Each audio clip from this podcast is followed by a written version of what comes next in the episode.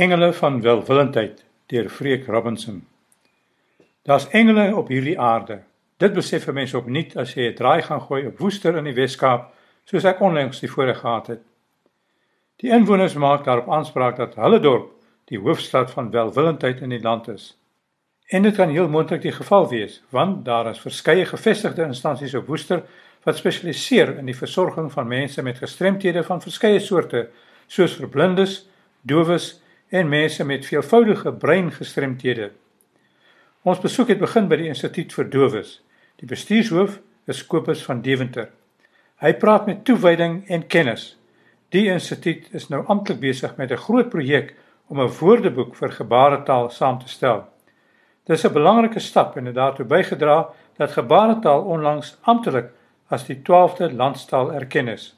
Soos uit die verduideliking blyk, is dit 'n reuse taak Daar is na raming sowat 6600 gebaretekens. Die probleem is dat daar internasionaal verskeie dialekte bestaan. Vir een woord kan daar dus verskeie gebare wees. Selfs in Suid-Afrika bestaan verskillende dialekte van streek tot streek, gemeenskap en ouderdomsgroepe. Daar is 42 skole vir dowes in die land. Hulle almal is gevra om deel te wees van die projek. As daar verskillende betekenisse geheg word aan 'n gebaar, word dit aangeteken in die elektroniese woordeboek.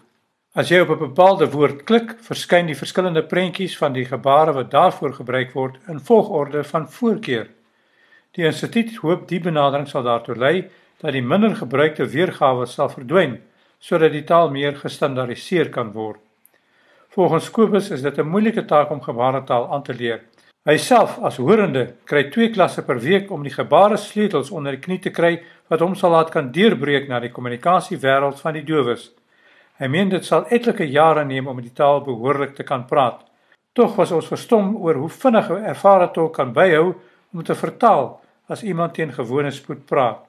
Nog 'n aspek wat die aanleer van die taal bemoeilik, is dat hy sy eie struktuur en grammatika het.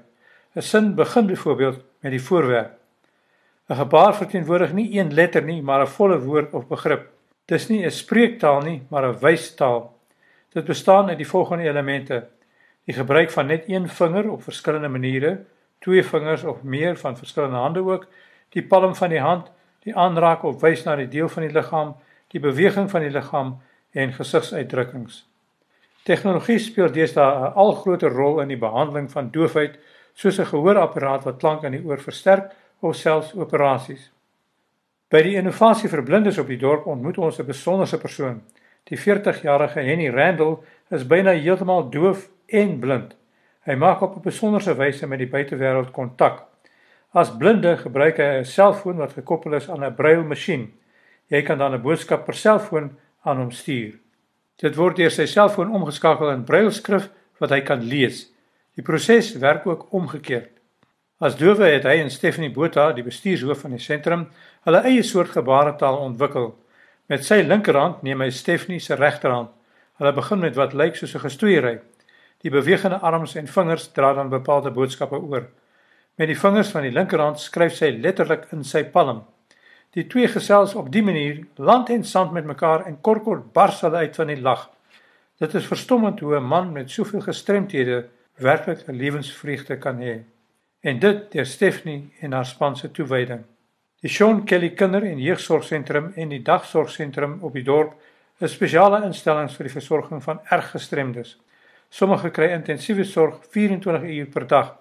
Daarom het die sentrums 40 kinders en 28 versorgers.